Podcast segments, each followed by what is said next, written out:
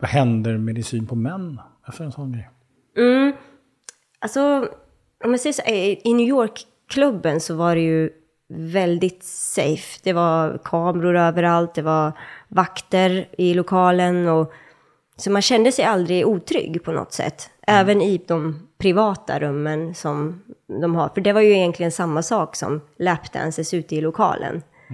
Medans eh, sen när jag började jobba i Sverige, eh, för det gjorde jag efter New York, där visade det sig vara helt annorlunda mot Okej. vad det var i New York. På vilket sätt? Eh, det fanns inga kameror, inga vakter och de här privata rummen låg i en källare. Och det är liksom ingen som kan höra dig när du går ner där med en man som ofta är mycket, mycket större än dig. Du har ingen chans. Och det händer grejer, alltså.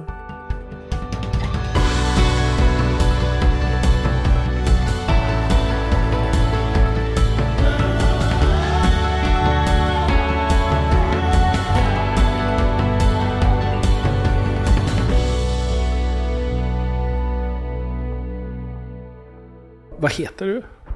Jasmin Kara, Det är Jasmin. Ja. Och Kara, är det... påhittat. Ja, för det är ju ansikte på spanska.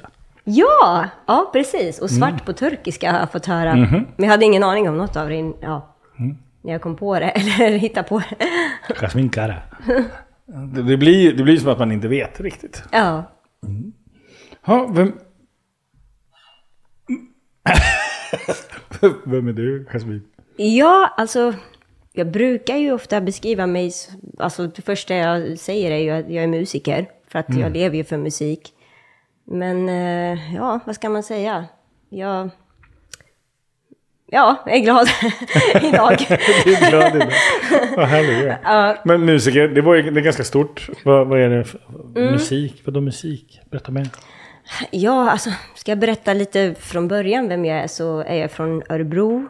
Eh, och börjar egentligen med, jag kommer från en jättefin familj, eller jättegullig familj.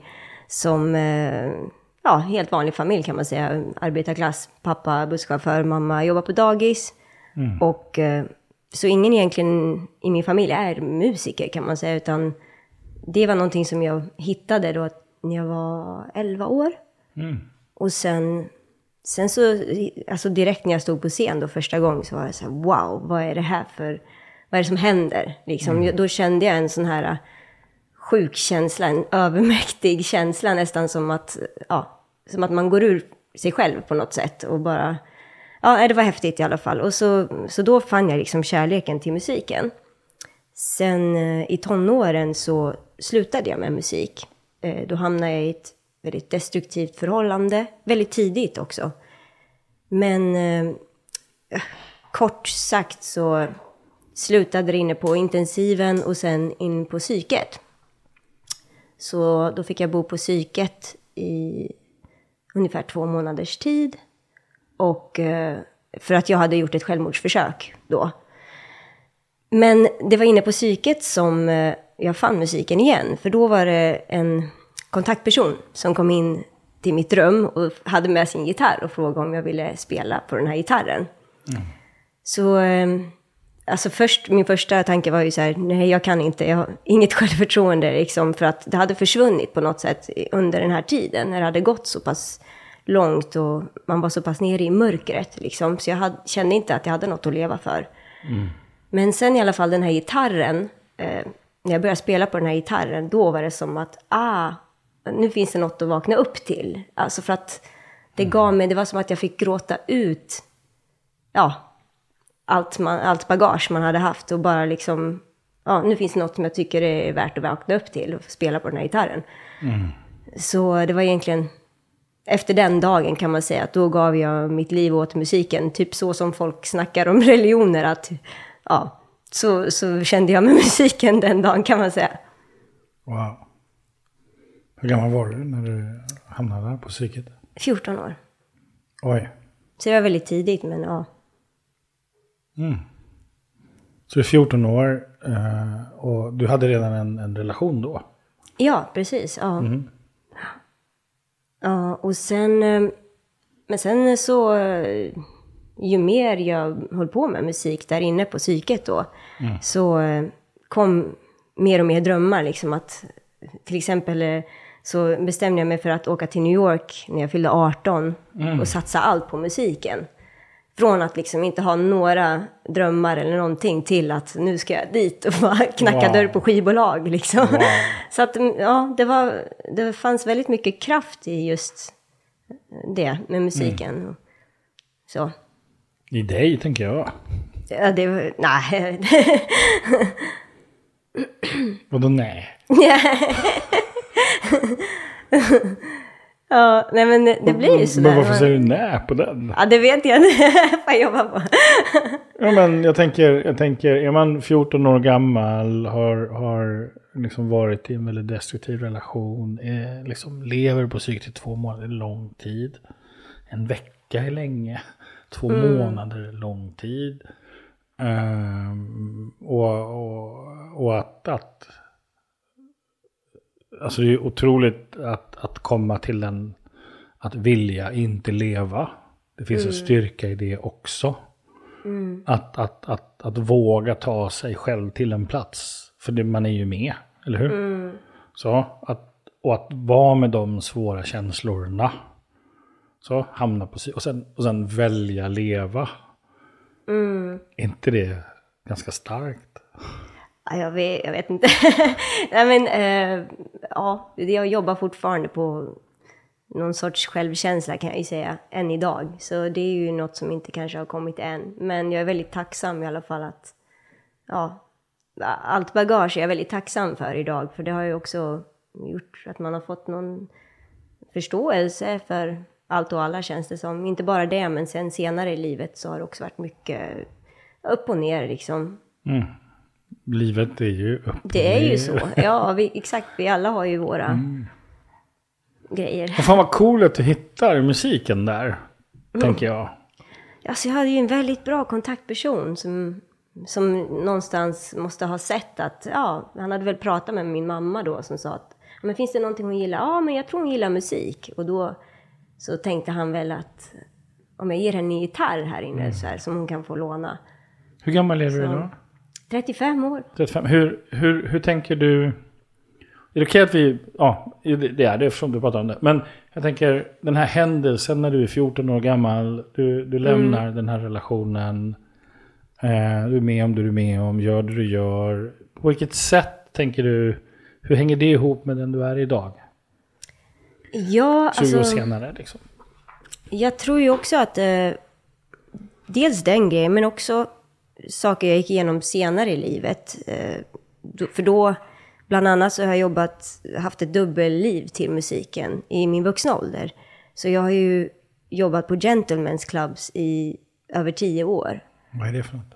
Strippklubbar kan man säga. Eh, I USA, på massa olika ställen och även i Sverige. Och jag tror att det som har varit positivt med det, det är ju kanske att finns ett annat djup i musiken nu som mm. jag gör. Så liksom, jag har alltid haft en speciell kärlek just till blues, eh, tyngd musik på något sätt. Och mm. jag tror att det kommer nog från att eh, smärtan får liksom komma ut och förvandlas på något sätt. Mm. Hur länge jobbade du med det?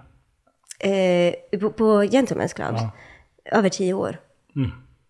Så fram till 2018. Varför kallas det för gentleman's club? Ja, det är väl lite finare ord, eller vad man ska säga. Men från början var det, alltså när jag började i New York, för det var, jag kanske ska berätta från början. Sure. Så här, för jag, jag kom ju som 18-åring till New York för att knacka dörr på skivbolag och bara satsa på musiken. Mm. Men jag fick inte komma in på olika ställen för att jag inte hade, jag var inte 21. Och sen eh, alla skivbolag sa nej, du får inte komma in. Så ja, det var ganska tufft liksom. Mm. Och, men eh, efter en månad ungefär, då fick jag slut på pengar och jag skulle vara där tre månader. Så då var liksom valet att ska jag ringa hem och fråga om, man har så mycket stolthet att man vill inte fråga sin familj om, eh, om pengar. Och sen också så var jag så här, jag lever ju min dröm i den här staden, jag känner mig hemma i New York. Så jag letade olika jobb och så. Eh, och sen var det bara en slump som jag hamnade in på den här strippklubben. För att jag var på väg till ett ställe där jag hade spelat med en gitarrist. Och sen på vägen dit så var det en som bara, Hey girl, you look for a job? Så jag bara, yeah, what kind of job? Så här. Och sen stod det Gentlemen's Club på stället. Och jag visste ju först inte, vad är en Gentlemen's Club? Men sen blev jag ändå nyfiken. Och så här, vet, jag hängde med in och, och såg vad det var för typ av jobb.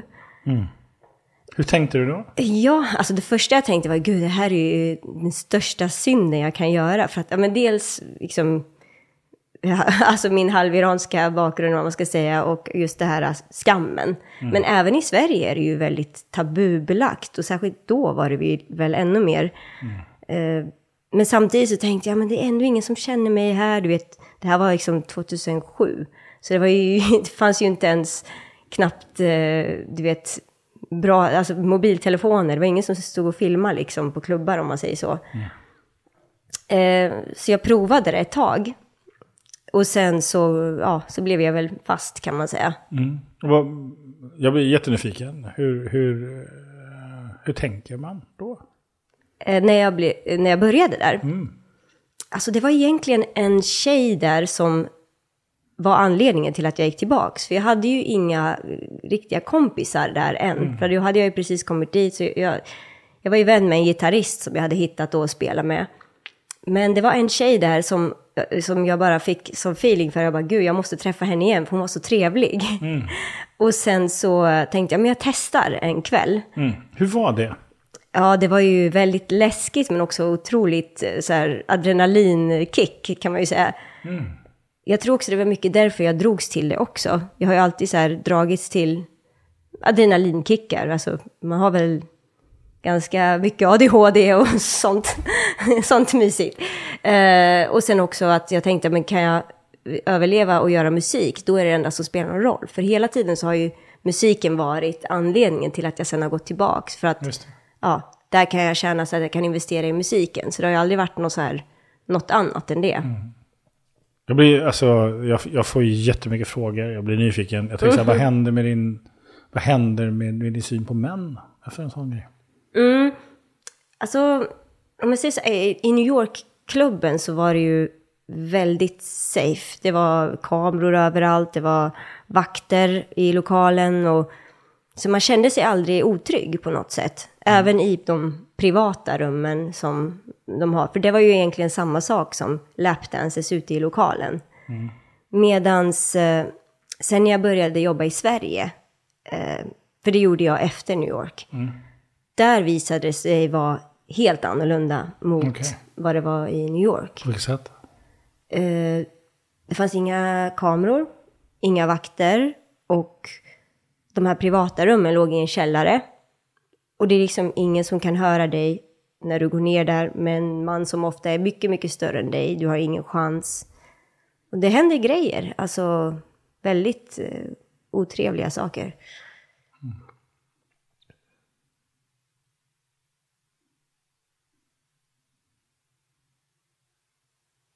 Mm. Det jag har i huvudet nu är att jag undrar om jag ska fråga dig vad hände. Ja, du får fråga mig precis vad du vill. Nej, men... Eh, ja, alltså...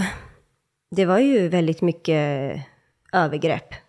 Både på mig och mina kompisar. Och, och det värsta tror jag av allt var ju att man kände aldrig att eh, någon hade ens rygg. Alltså, hade det hänt någonting i New York till exempel, om det var på gång att hända någonting, så kunde man ju alltid skrika på någon eller, ja, och, och gästen åkte ut från klubben. De blev utslängda och liksom, managern kom och, och räddade den, kan man säga.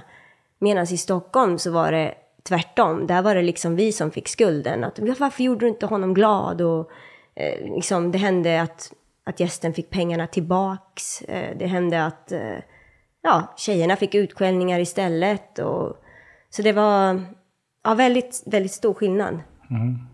Så vad har du för syn på män idag?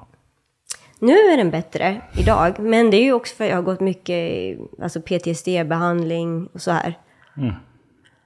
Men eh, jag kan säga, alltså under tiden som jag jobbade där så kändes det inte som att jag gick igenom något traumatiskt under egentligen hela tiden. Men eh, kanske, ja det måste ha varit nästan exakt ett år efter jag slutade helt med det här jobbet, då kom massa flashbacks och liksom, jag kände ju den här PTSD, vad ska man säga, symptomen kom. Jag, började, jag blev ju sjuk, jag trodde ju ibland att alla män förföljde mig. Alltså vet, man... När man är inne i sånt där, då, man blir ju liksom inte riktigt frisk, eller vad man ska säga. Alltså jag har ju ingen aning. jag vet inte, alltså jag kan inte för mitt vildaste, i min vildaste fantasi föreställa mig. Liksom, det skulle vara förmätet av mig att försöka säga ja, jag förstår, för det gör jag inte. Eh, liksom, ehm, eh, jag, men jag, jag blir nyfiken liksom på hur, hur gör du för att kunna liksom, till slut sitta här och vara den du är? Liksom? Vad är det du har varit med om egentligen? Hur har du liksom, fixat det här? Blir jag nyfiken på, Jasmin. Jag tycker också, alltså, just när man jobbar på ett sånt ställe, man ser ju inte bara ondska, alltså, utan det är ju väldigt, det är liksom inte svart på vitt, eller vad man ska säga, utan det är ju, man, man, eh, man ser, alltså även de som beter sig värst, kan man ofta få förståelse för, för att man ser eh, liksom vart de kommer från och, vad ska man säga, på ett sätt så lär man sig att inte döma också. Alltså både gästerna och även tjejerna. För det är ju alla typer av människor som kommer dit. Både som besöker och som jobbar där. Så innan jag började, jag hade mycket mer fördomar innan jag började jobba som strippa. För då var det ju mer att, då trodde jag att det bara var trasiga tjejer som var prostituerade och hade liksom, eller drogmissbrukare. Men det är ju verkligen alla typer av tjejer som jobbar där. Det är liksom läkarstudenter till, eh, du vet, skådespelare, alltså allt, du vet. Och sen, det är klart, det är ju många tyvärr som dras mot droger på grund av att liksom, de måste på något sätt orka med det som händer. Och vissa går igenom värre saker än andra och, och så vidare. Och hur, vad har du för relation till droger själv? Nej, jag är nykterist sen jag var 20 på grund av att ja, jag har en beroende personlighet. Så var tvungen att, ja, allt eller inget. Mm. Är du med i något program eller liksom jobbar du? Har du gått till samtal? Hur har du gjort för att bli nykterist? Nej, det är faktiskt musiken. Alltså det kanske låter flummigt, men det, det är verkligen det som har hela tiden liksom hållit mig, eh, vad ska man säga, hållit upp mig, eller fångat upp en när man har varit på väg ner i mörkret. För det har ju hänt väldigt många gånger att man blir väldigt Vilken man. Eh, jag. att jag blir väldigt eh, självdestruktiv och liksom, och det går väldigt snabbt när det händer också. Det blir väldigt, alltså det kan hända, eh, det kan räcka ibland med att någon säger en kommentar om att man inte har gjort rätt till den personen eller att man inte har, ja, kommit ihåg någonting. Då kan jag helt snabbt tänka att gud, jag har glömt det här, vad hemsk jag är, vad dålig människa, jag måste dö, puff. Och sen, så, så lätt går det för mig. Och då har musiken eh, alltid funnits där. Liksom, ofta i sista sekunden när man har känt att man. nu skiter jag i allt. Eh, Jag har känt att nu skiter jag i allt. Då på något sätt så har någonting med musiken kommit upp. Någon spelning eller någonting som har gjort att jag har orkat kämpa vidare. Hur är det att sitta och prata om det här så här nu? Ja, det, det känns väldigt skönt att prata om det nu. Mm. Men eh, hade vi pratat om det här för ett år sedan, då hade jag inte kunnat andas samtidigt. då hade jag inte ens kunnat, alltså bara jag tänkte på vissa minnen, men också att, alltså skammen över eh, det här jobbet som jag skämdes ihjäl i så många år över. Du vet, jag, för mig var det en sån rädsla jämt, särskilt i intervjuer. Att, tänk om någon kommer på en, tänk om någon vet och kommer säga det i intervjun. Eller just för att eh, jag höll det hemligt för min familj. Så det var väl där min största rädsla var. Hur var det att berätta för dem? Ja, det var hemskt, men också bra. Eh, ja. Hade du vägledning av terapeut och hade du stöd i det? Nej, jo, alltså min mamma berättade jag för först. Och, eh, och hon var så här, ja men oavsett vad som händer så finns jag med dig. Wow. Och det var ju, min mamma är väldigt pedagogisk på det sättet, eller vad man ska säga. Så, eh, och jag trodde ju det värsta. Jag trodde att, mm, gud, pappa kommer aldrig mer vilja prata med mig. Eh, Jag kommer aldrig ha kontakt med min familj. Jag kommer aldrig kunna åka tillbaka till Örebro. Alla kommer hata mig. Men sen, alltså i slutet så blev det som att, att gå runt med skammen, det var värre än att alla skulle hata en på något sätt. Så till slut så var det så jag måste berätta oavsett hur det går. Hellre blir jag hatad för den, jag är en- älskad för någon jag inte är liksom. Så, eh, men min pappa tog det jättebra, fast han var ju tyst i typ en timme och det var ju tortyr i sig. så här, vad ska han göra? Ska han skrika på mig? Ska han, alltså, nej. Men sen dagen efter så var det som att inget hade hänt. Och idag är vi bästa vänner. Om vi skulle ge ett namn, Mm. så att vi inte outar någon. Eh, men om vi skulle kalla din första relation för någon vid namn, vilket namn skulle du kunna använda då? Han som var destruktiv. Oj, Bara hitta på ett namn. svårt att hitta på. Ehm, Vi kan ta det riktiga om det är okej för dig, men jag vill av etiska skäl nej. vara noga med att inte behöva göra det. ja, du. A- Aron. Ja, vi hittar på Aron då. Vi hittar på Aron, för du sa Aru. Aru. Jag tänkte så Aron, tänkte jag. Så vi tar Aron. Exakt, ja. Eh, hur gammal var du när du träffade honom? Det var ju i början av högstadiet. Alltså måste jag ha varit 13. Du var 13. Hur gammal var han? Han gick i samma klass, fast han var lite äldre. Ja. Han var lite äldre, typ Mm. 14. Jag vill inte säga för mycket detaljer där. Nej, ja. ja. men okej, men han, han var ju ungefär samma Mm. ålder. Eh, vad var det som hände? Alltså från början så var det ju... Det var ju min första kärlek. Alltså det var ju bara bra från början. Vi hade jätteroligt och han var världens snällaste och allting. Men sen visste jag också att han kom från en väldigt stökig bakgrund. Han var ju en bad boy, eller vad man ska säga. In, inte en gentleman alltså. Ja, alltså han, han var ju snäll mot mig i början. Och, och hans familj hade ju väldigt mycket problem. Så till exempel hans pappa slog hans mamma öppet. Och det var ingenting som någon himlade med. Alltså, så på något sätt kan jag ändå förstå, eller jag förstod ju vart det kom ifrån när det väl började bli som det blev. För det, ja, psykisk och fysisk misshandel. Okej. Och sen så, och det eskalerade hela Hur, lång, tiden. hur lång tid tog det innan det började? Alltså innan, eh, ja det var ungefär en månad efter vi hade blivit tillsammans. Som, eh, ja. Har du funderat på varför du var kvar? Ja, alltså jag tror dels så var jag väldigt svag innan jag träffade honom. Alltså man gick igenom puberteten, man hade låg självkänsla. Det är Man. något jag har haft hela livet egentligen. Och sen, eh, jag vet inte, det är väl som att man dras till det man...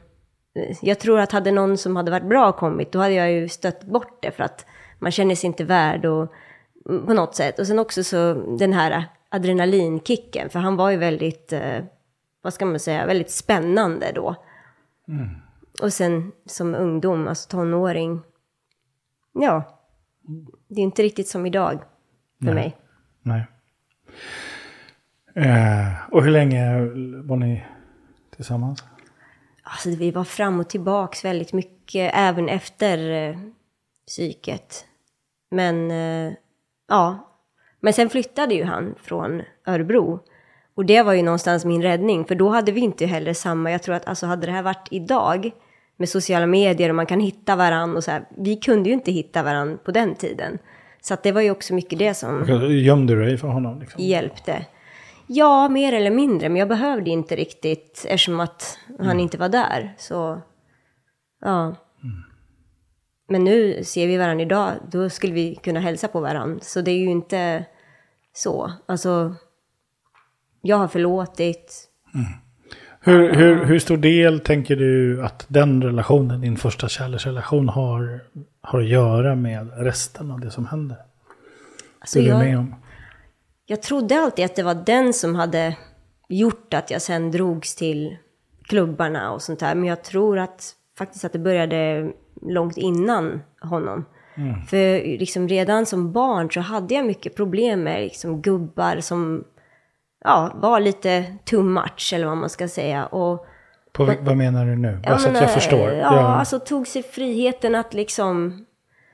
säga opassande kommentarer och, och man, att man kände det här hela tiden, att man är ett byte liksom. Och jag tror att någonstans var det också det som lockade väldigt mycket med klubbarna, att så här, här får jag sätta gränser, här får jag vara den som... Mm, Du har kontroll. Ja, exakt, för att jag hade svårt att sätta gränser innan. Och, Ja.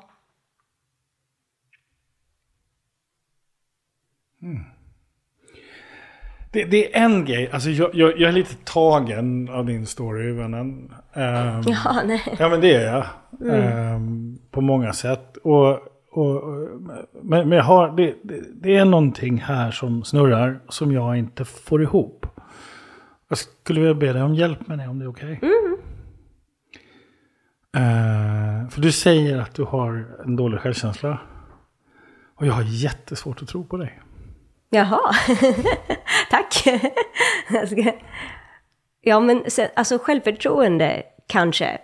Självkänsla. Nej, jag, jag, jag har jobbat många år i samtal. Jag har träffat många människor. Men, men, men, men, men att kalla det för dålig självkänsla.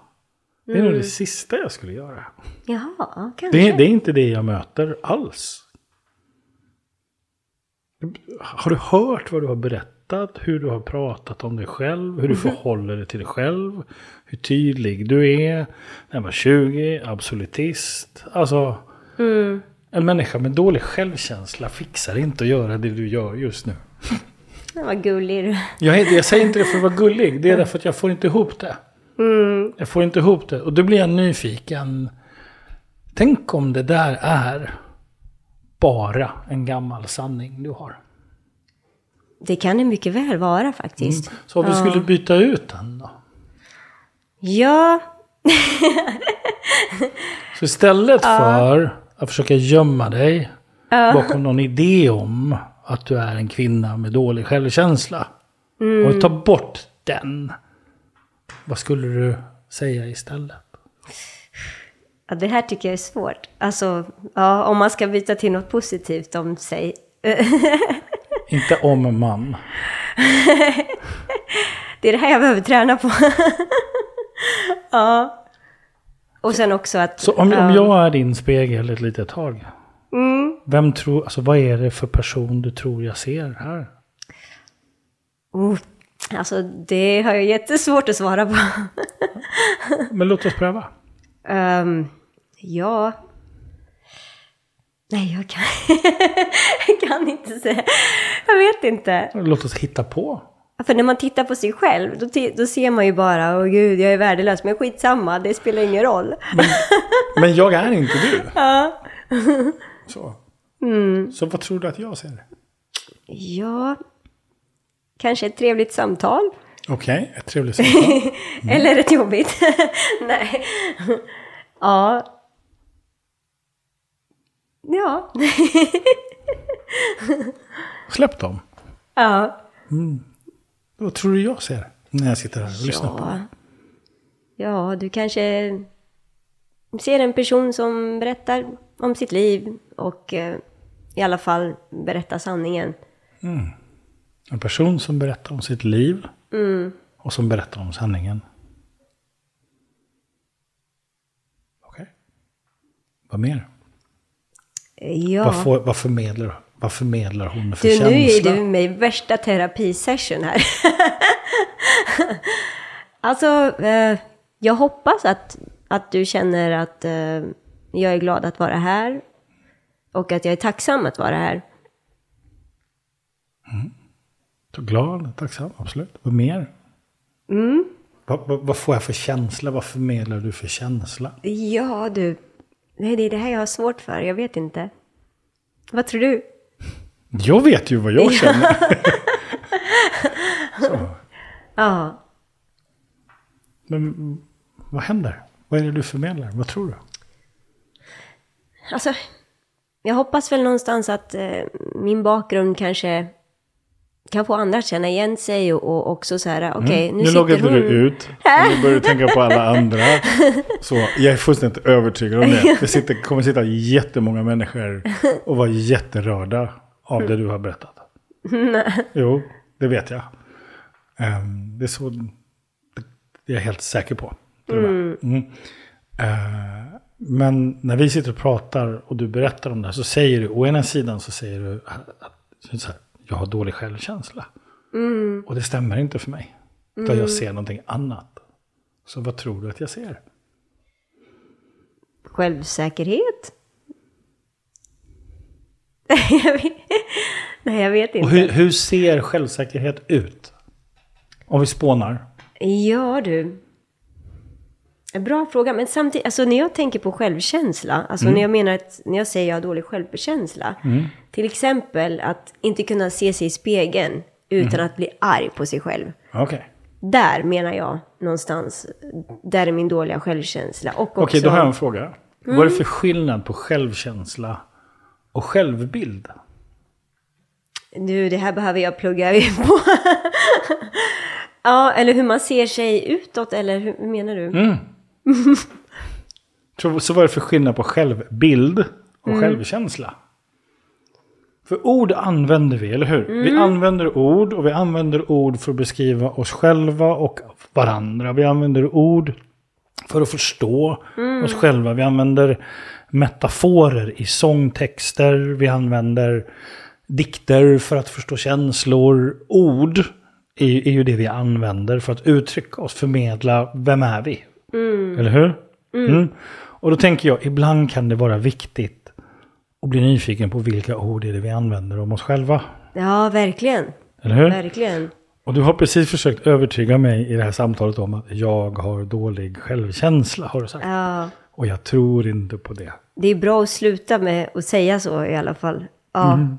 Och, och, och, sen så frågar jag mm. dig, vad menar du med det? Och sen så sa ja men till exempel själv, dålig självkänsla är som att titta sig själv i spegeln och bli arg. Mm. Och det tänker jag, det är självbild. Ja, det är sant. Är du med? För du ser dig mm. själv i spegeln. Så självkänsla, tänk om, tänk om det är så här då. Att självkänsla bara är det svaret jag får när jag mm. känner efter. Mm. Är du med? Exakt. Ja, ja. Det är inget annat. Så om jag, när jag känner efter så får jag ett svar. Mm. Och det svaret, det kanske inte är så bra för mig. Nej. Byt svar. Mm. Vet du, det, det, är jättebra att du säger det här faktiskt. Det här är, jag är ganska mycket inne på just det här med, ja, även affirmationer och hur man pratar om.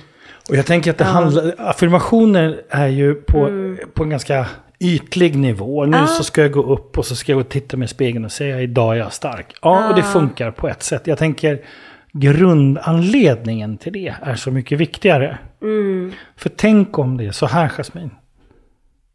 Att din historia inte längre behövs mm. berättas för dig själv. Det kanske är dags att börja berätta en ny historia. Mm. Verkligen. För du har överlevt. Mm. Du har tagit dig ur en destruktiv relation. Du valde att själv sticka till New York. Du var med i matchen. Du visste vad det gav dig in på när du gick in på klubbarna. Mm. Eller hur? Du skaffade dig de vänner du behövde. Du hade musiken i fokus. Alltså jag ser en stark jävla fucking kvinna. Nej. Ja men det är samma. Varför säger du Fast nej? inte kvinn... Eller ja, vad du... Vad skön du Alltså, jag, jag, ser ju en, en, person som har bestämt sig för att jag ska inte tappa taget. Mm. Det är beslutsamhet, fokus, målmedvetenhet. Och du vet att tankarna spelar, så håller på. Men mm. du har kämpat på ändå. Ja. Det finns ingenting i det du har berättat för mig som har någonting med dålig självkänsla att göra överhuvudtaget. Mm. Så sorry baby, men den uh, går jag nej, inte men jag på. Jag blir glad, jag är tacksam för ditt råd, eller dina råd. Jag är jättetacksam verkligen. Och det du säger såklart. Så, det mm. Så hur låter den andra berättelsen? Hur låter den nya historien, Jasmin? Varför gör du så här mot mig? Ja. För låt, låt oss avsluta med att hitta en annan formulering. Än... Ja, hur skulle du beskriva? Nej. Om du var jag? ja, nej men, eh, ja, överlevare kanske man skulle säga då. Mm. Överlevare och... Eh, allt kan bli bättre. Mm, jag är en överlevare. Nu skriver vi sångtext här. Igen. ja. Så jag är, om du fortsätter med ord som du associerar till. Jag Ja. är, ja, jag är, jag är en överlevare. jag är en överlevare. Jag är Jag är... spontant. Gud, vi kan inte säga sånt här. men Jag kan Kör. prata om dig hur mycket som Jag helst, vet. men jag vågar jag inte prata är, om det. Kom igen. Jag är Jag är eh, glad. glad. Mm. En överlevare. Och jag är tacksam. och jag är tacksam. Och det säger du som om det är ett slut, men det jag tänker fortsätta. Så jag är, Jag är tacksam, jag är... eh, Ja. Jag kämpar. jag är en, jag är en kämpare. Ja. Ja. Jag är, vad mer? Musiker. Musiker, vad mer? Det här är tortyr, vet du det?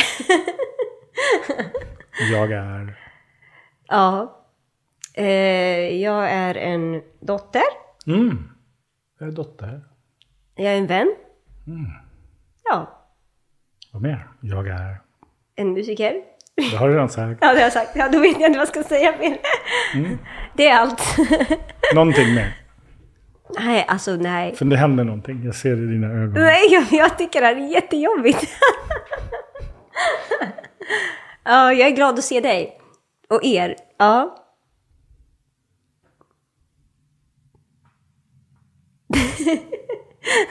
Så vad var det som gjorde att du valde eh, att överleva? Det var ju musiken. Och att känna att man hittar ett... Vad heter det? Purpose? Eh, Mening? Mening. Okej. Precis. Okej, då vill jag att du lyssnar på mig nu. Mm. Jag Jag är är meningsfull. meningsfull. Tack. Vad gullig. Ja, vad tar du med dig efter idag, Jasmin? Wow, det här är, det är jobbigt alltså. Men det är väldigt nyttigt att, att träna på. Ja. Men du då, hur känner du med, alltså själv... känner du att du har bra självkänsla? Och, Ehm, och hur gjorde du liksom? du får läsa om i boken. Eller, ah, är den håller på att skriva en bok just nu. Jaha, den är inte ute än? Nej, nej, nej, nej. Den håller på att skrivas just nu. Wow, vad spännande. Den ska jag definitivt läsa. Cool. Vad tar du med dig, Jasmin, på riktigt efter det här samtalet? Åh, gud. Nej, men jag tar med mig dina tips. Jag tycker det du säger är väldigt viktigt. För jag hade nog sagt samma till mina vänner också. Att, du vet, prata till sig själv som man skulle prata till någon annan. Hellre än att, jag menar, man hade ju inte stått till någon annan och säga gud vad du är hemsk och uh, hade ju aldrig. Men ändå så gör man ju det mot sig själv. Så det är någonting jag måste öva på. Så tack för allt, verkligen. Tack själv.